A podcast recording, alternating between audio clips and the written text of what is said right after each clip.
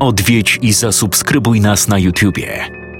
Bądź na bieżąco z nowymi filmami i słuchaj jeszcze więcej mrocznych historii.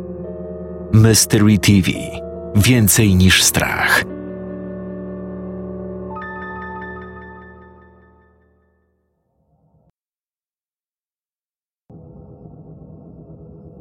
Kilka dni temu przeniosłem cały swój dobytek na przylądek południowo-zachodni na wyspie Stewart w Nowej Zelandii, który stał się moim nowym miejscem egzystencji na Ziemi. Początkowo cała wyprawa miała być ucieczką, moją i mojej żony. Mieliśmy spędzić resztę swoich dni rozkoszując się pięknem nadmorskich widoków – w miarę upływu lat narastała we mnie pogarda do kierunku rozwoju, który obrało sobie całe społeczeństwo. Miałem już dość niekończących się bezcelowych dyskusji na temat ras, homoseksualizmu, polityki, aborcji i tym podobnym. Według mnie ludzie powinni robić to, na co mają ochotę, pod warunkiem, że nikogo przy tym nie krzywdzą. Reprezentowałem nieskomplikowane, być może naiwne myślenie, lecz taka właśnie była moja życiowa postawa. Kiedy tak coraz szybciej pęczniała we mnie frustracja, zaczęliśmy planować z żoną przeprowadzkę. Dobiegaliśmy już czterdziestki. Przy odrobinie szczęścia mieliśmy nadzieję na kolejne dwie dekady życia spędzone razem – cały czas uporczywie dokładając przy tym wszelkich starań, by taki wyjazd stał się możliwy. Niestety, nasz pociąg do krainy marzeń się wykoleił. Skończyłem 43 lata. Wtedy u mojej ukochanej zdiagnozowano złośliwy nowotwór mózgu. Dwa lata później zostałem sam – i nie pragnąłem już niczego poza szybkim uwolnieniem się od cywilizacji mainstreamowej kultury.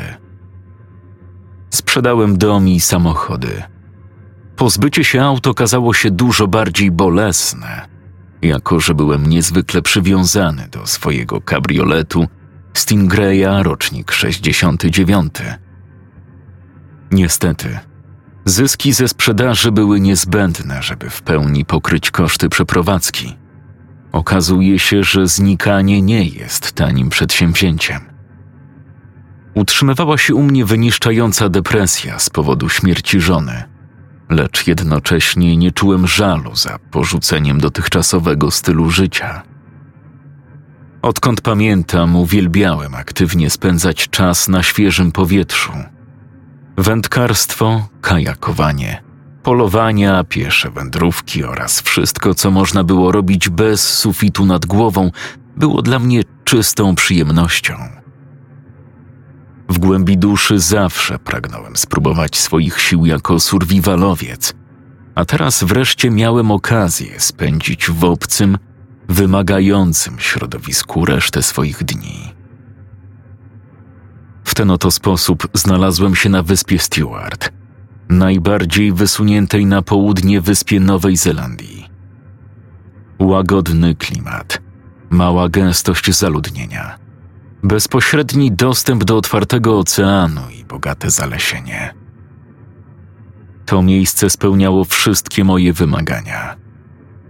Wizja napotkania niebezpiecznych, dzikich zwierząt czy trujących roślin zupełnie mnie nie odstraszała.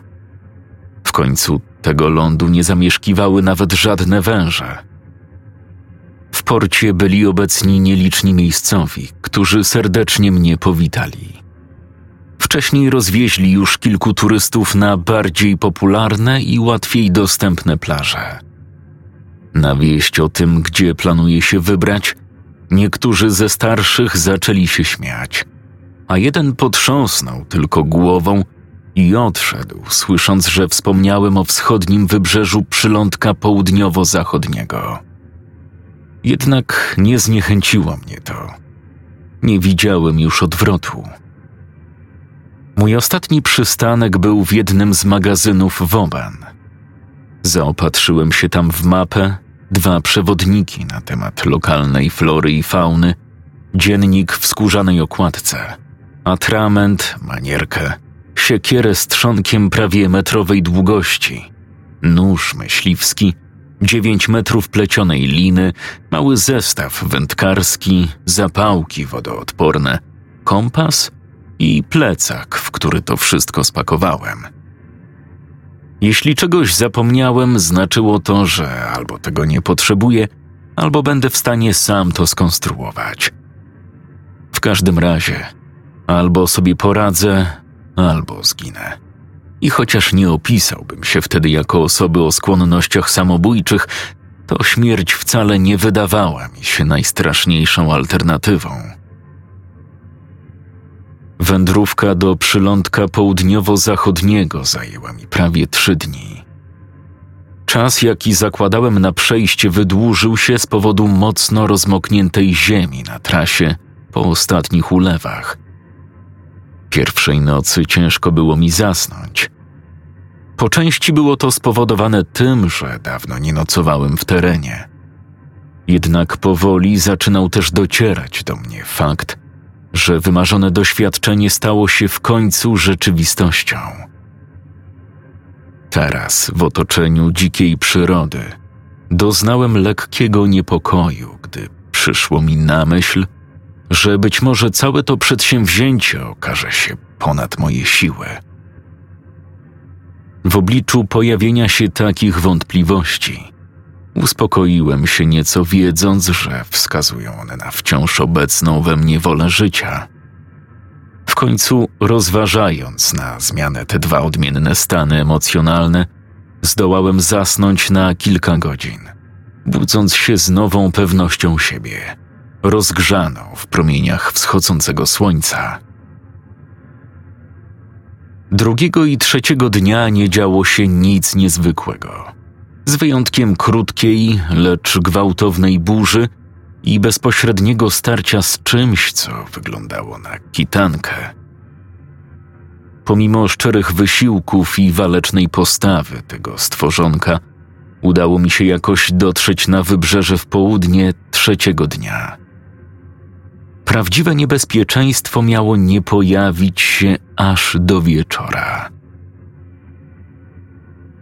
Przygotowanie obozu zakończyłem na skonstruowaniu niecki do zbierania wody, używając kilku szerokich liści paproci i bambusa, które zostały tutaj sprowadzone wieki temu. Wykorzystując te same rośliny, zbudowałem sobie mały szałas. Dopiero później miałem zamiar zamienić prowizoryczne schronienie na coś bardziej ambitnego. Następnie rozpaliłem ogień i zarzuciłem kilka linek wędkarskich. Chcąc odprężyć się po całym wysiłku minionego dnia, zrzuciłem z siebie ubrania, buty i skoczyłem do mętnej, lecz przyjemnie orzeźwiającej wody. Początkowo intrygowało mnie ukształtowanie wybrzeża i rozległa płycizna. Około sto metrów od brzegu woda wciąż sięgała mi do kolan – a pod stopami czułem miękki, biały piasek. Teraz z perspektywy czasu myślę sobie, że brak zauważalnych morskich form życia w okolicy był pierwszą oznaką, która powinna była mnie zaniepokoić. Przepełniała mnie jednak euforia wynikająca z własnoręcznego stworzenia swojego małego kawałka raju. Stałem w wodzie przez kolejne pół minuty, obserwując otoczenie. Potem zrobiłem krok naprzód. Nie znajdę słów, żeby wyrazić szok, którego doznałem, kiedy nagle znalazłem się całkowicie pod wodą. Ze wstydem muszę wyznać, że w pierwszej chwili górę wziął instynkt i spanikowałem.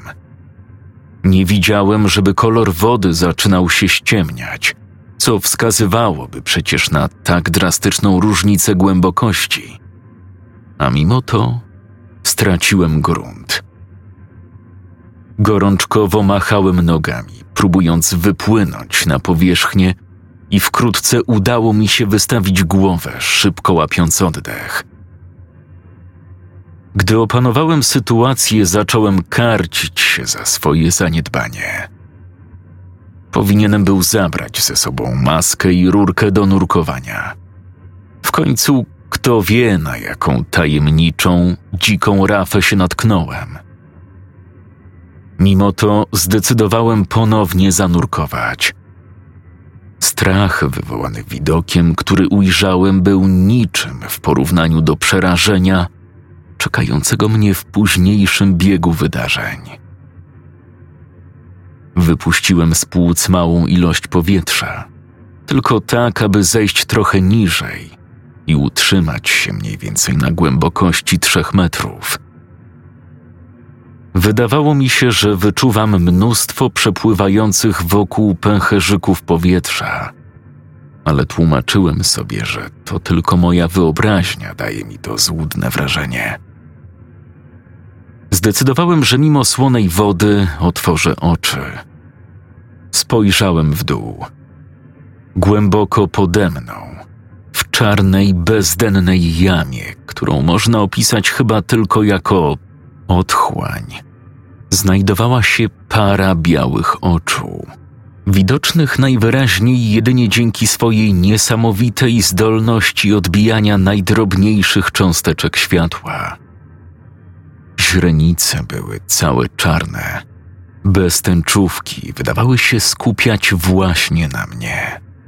Wystraszyłem się, ale jednocześnie nie mogłem zrobić nic, by uniknąć nieuchronnie zbliżającego się niebezpieczeństwa.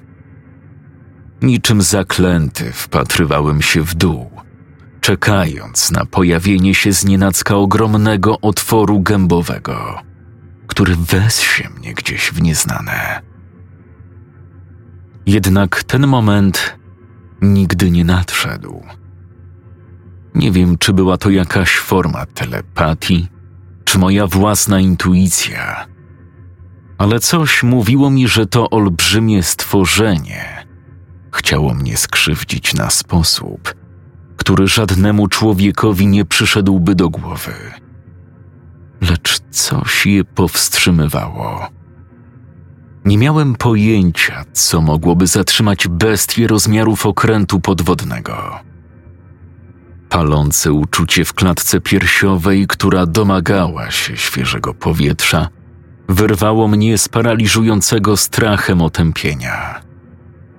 Chciałem natychmiast wracać na powierzchnię, ale nie mogłem się ruszyć, Pamiętam tylko posmak morskiej wody, kiedy odpływałem w stan błogiej nieświadomości.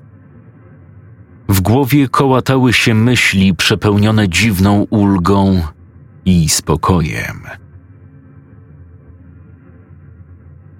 Obudziłem się na plaży, chyba następnego poranka, twarzą do góry, z wodorostami owiniętymi wokół ciała i uczuciem przypominającym kaca. Podniosłem się natychmiast, co tylko pogorszyło okropny ból głowy. Ale chciałem przede wszystkim zobaczyć, czy w wodzie nie czai się ten potwór. Nie zauważyłem nic poza dryfującymi wokół kawałkami drewna. Znów opadłem na piasek i patrzyłem w zachmurzone niebo, będąc wpółświadomy. Mogłem myśleć tylko o tych oczach, Mój Boże, te okropne oczy. Po dłuższej chwili kontemplacji zebrałem w sobie siłę, by wstać. Nie znalazłem żadnego racjonalnego wytłumaczenia dla tego, co widziałem, z wyjątkiem halucynacji. Jednak nie przypominam sobie czynnika, który mógłby je wywołać – przez cały dzień rozmyślałem nad całą masą różnorodnych legend i tajemnic niezbadanego oceanu. Przypomniały mi się dziwne dźwięki nagrywane gdzieś w morskich głębinach, wielkie megalodony, powieści Juliusza Werna, trójkąt bermudzki i tym podobne. Żadne logiczne wyjaśnienie nie zaspokoiło mojej głowy – Zrezygnowany i ogarnięty niepokojem, wyczekiwałem zmierzchu. Odciąłem linki wędkarskie, doskonale wiedząc, że nic nie złowiłem, ale jednocześnie bojąc się tego, co mogło być na ich końcu. To w tym momencie zorientowałem się, że właściwie nie zobaczyłem jeszcze ani jednej morskiej formy życia. Ogień już ledwie tlił się w popiołach. Zebrałem więc drewno wyrzucone na brzegu i suche liście od strony lasu. Cały czas jednym okiem obserwując wodę, czekając aż para przerażających oczu wynurzy się ponad powierzchnię. Jednak tamtego dnia nic takiego się nie wydarzyło. Chyba nikogo nie powinien dziwić fakt, że tamtej nocy nie spałem spokojnie. Skończyłem czytać podręcznik przyrodniczy, lecz niestety nie zdołałem dostrzec żadnego owada ani innego zwierzęcia, żeby przetestować wiedzę w praktyce. Jednak do rana cały mój stres zdążył się rozpłynąć. Umysł wyczerpał wszystkie siły rozmyślaniem i zwrócił swoje zainteresowania w kierunku innych potrzeb, mianowicie jedzenia.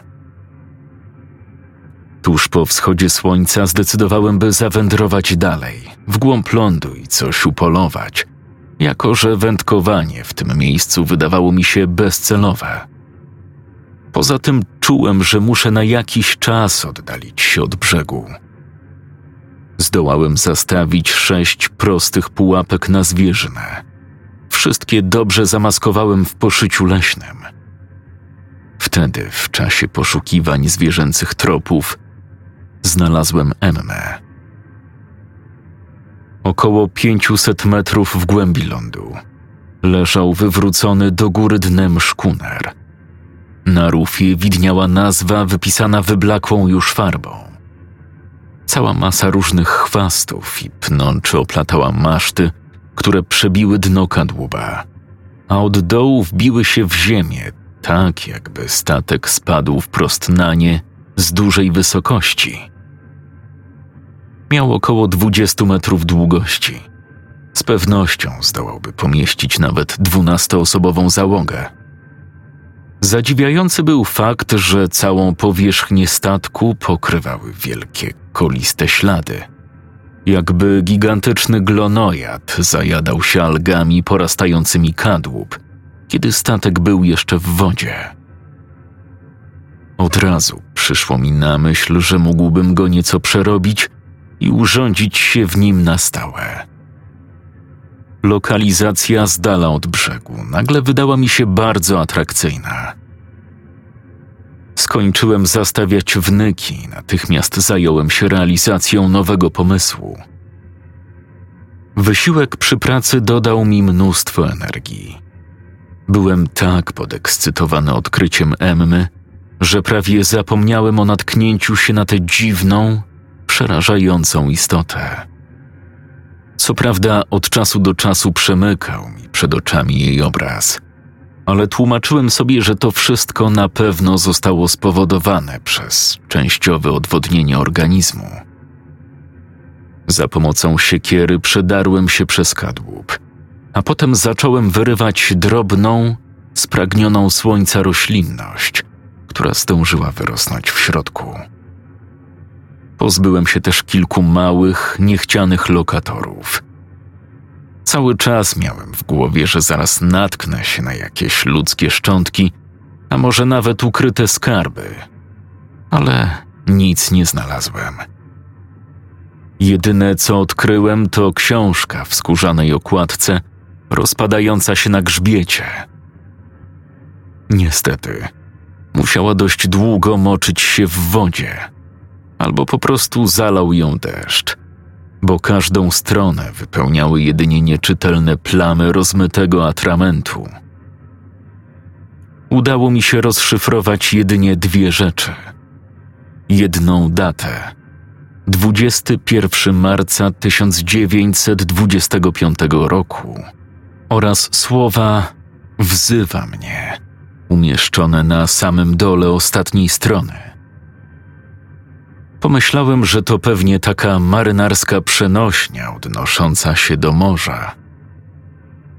Zadowolony z siebie i tego, co udało mi się zrobić przez cały dzień, poszedłem sprawdzić, czy przypadkiem jakieś zwierzę nie złapało się w zastawione sidła.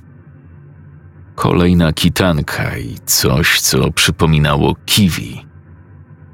Potem doczłapałem się do poprzedniego obozowiska na brzegu.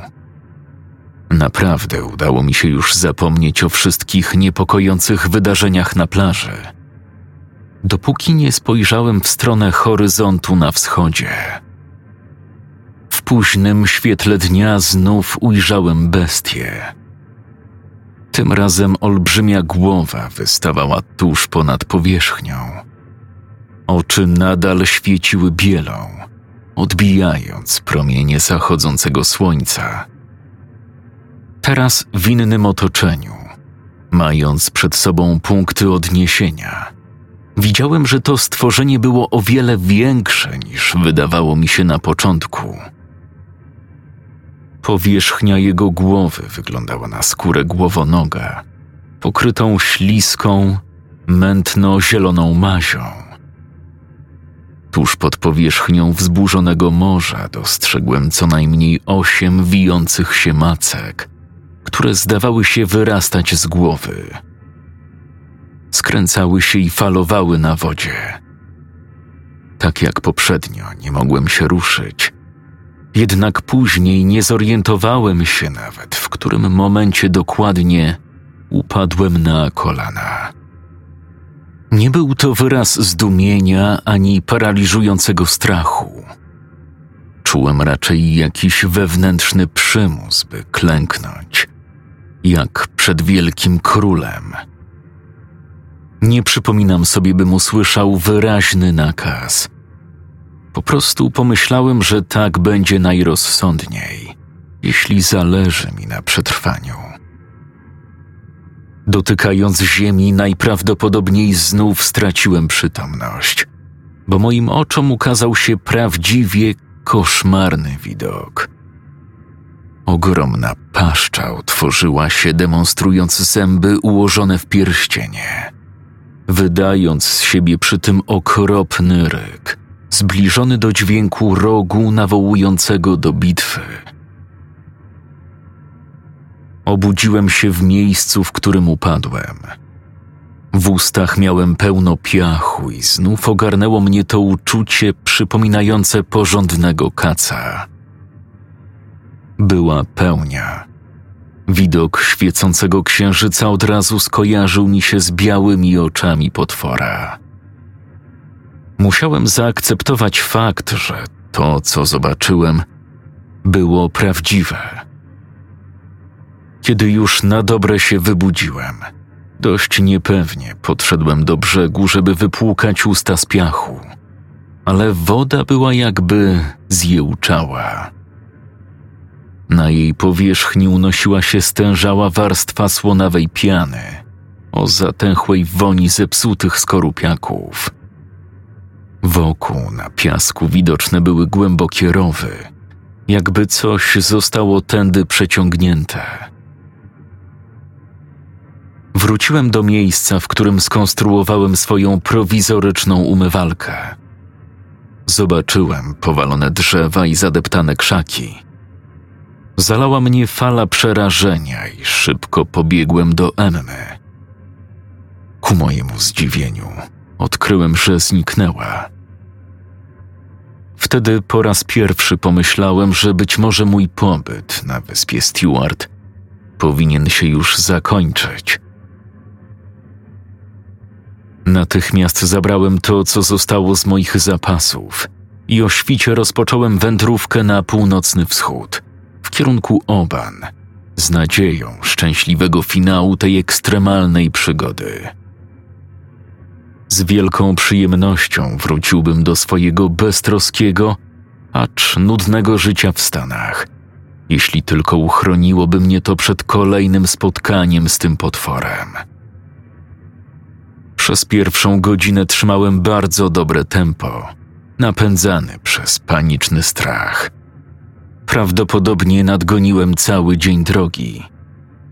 Jednak od kilku dni tak naprawdę nie zaznałem porządnego odpoczynku, co wkrótce dało o sobie znać. Około południa chciałem trochę odpocząć i oparłem się o drzewo. Nie planowałem zatrzymywać się na długo, ale zasnąłem niemal natychmiast. Ciało i umysł nie wytrzymały zmęczenia. Podczas snu doświadczyłem czegoś w rodzaju wizji. Znów stałem w wodzie, w miejscu, w którym wpadłem w głębiny, odwrócony plecami do brzegu. Patrzyłem, jak czarna morska woda zaczynała się mącić i wzniecać fale. Czułem, że powinienem wracać na ląd, ale nie mogłem wykonać żadnego ruchu. W końcu ujrzałem te hipnotyzujące oczy. Gdy wychylały się ponad powierzchnię, znów poczułem odór rozkładających się ryb. Kiedy ukazała się głowa tego stworzenia, próbowałem krzyczeć, lecz zdołałem tylko nabrać powietrza, zanim wpadłem w zatęchłe wysypisko, będące legowiskiem potwora. Pod wodą otworzyłem oczy i zobaczyłem jego ciało. Wydawało się dziwne, całe pokryte łuskami i pąklami, ale jednak w czymś przypominało człowieka. Ogromne kraby pełzały po jego powierzchni, zamieszkiwały porastającą go roślinność. Rozciągał się w głębinach niemal w nieskończoność, ale wypływał coraz wyżej. Widziałem już nogi. Stało się dla mnie jasne, że wielkość tej bestii jest nieogarniona. Podniosłem wzrok ku górze. Musiałem wypłynąć, by zaczerpnąć powietrza. Obudziłem się z krzykiem, cały rozdygotany. W tym momencie moja relacja dobiegnie końca. Rozglądam się i nie dociera do mnie jeszcze, że dziwnym trafem znów jestem w miejscu obozowiska. Przychodzi mi teraz na myśl cytat autora, którego nazwisko teraz gdzieś mi uciekło. Najłaskawszą rzeczą na świecie jest niezdolność ludzkiego umysłu do ogarnięcia całej swej zawartości. Moja dopiero co przebudzona świadomość w jednej chwili pojęła to, co się wydarzyło, doprowadzając do szaleństwa. Jakimś sposobem, przebywając tutaj, obudziłem coś, co trwało w uśpieniu przez niezmierzony czas. I podobnie jak ja, ma dosyć świata, w którym przyszło mu żyć. Przywołuje mnie, bym pomógł mu z niego uciec. Gdy wychodzę do jego przeklętej jamy, rozumiem już, że świat jest gotów na czas żniw. Nie mogę uwolnić się od jego wołania, dochodzącego z ciemnej, głębokiej otchłani. Scenariusz Pen Phantom 13 Tłumaczenie Aleksandra Rudka Czytał Jakub Rudka